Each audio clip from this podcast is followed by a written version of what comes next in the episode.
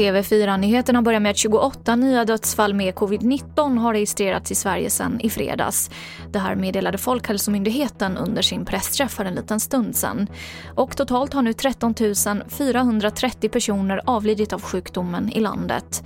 Och enligt Anders Tegnell så är smittoläget fortfarande allvarligt.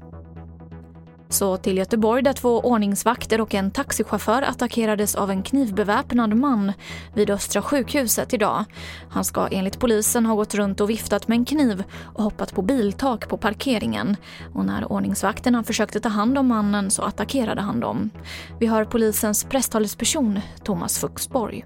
Nu är han gripen och är i nuläget misstänkt för eh, dråp alternativt mordförsök, grov misshandel samt våld mot tjänsteman.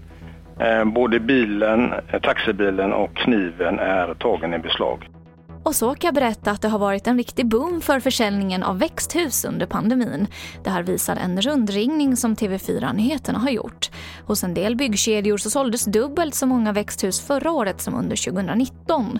Och inför årets säsong så är efterfrågan så stor att det riskerar att bli brist i butikerna. Och det var det senaste från TV4 Nyheterna. Jag heter Emily Olsson.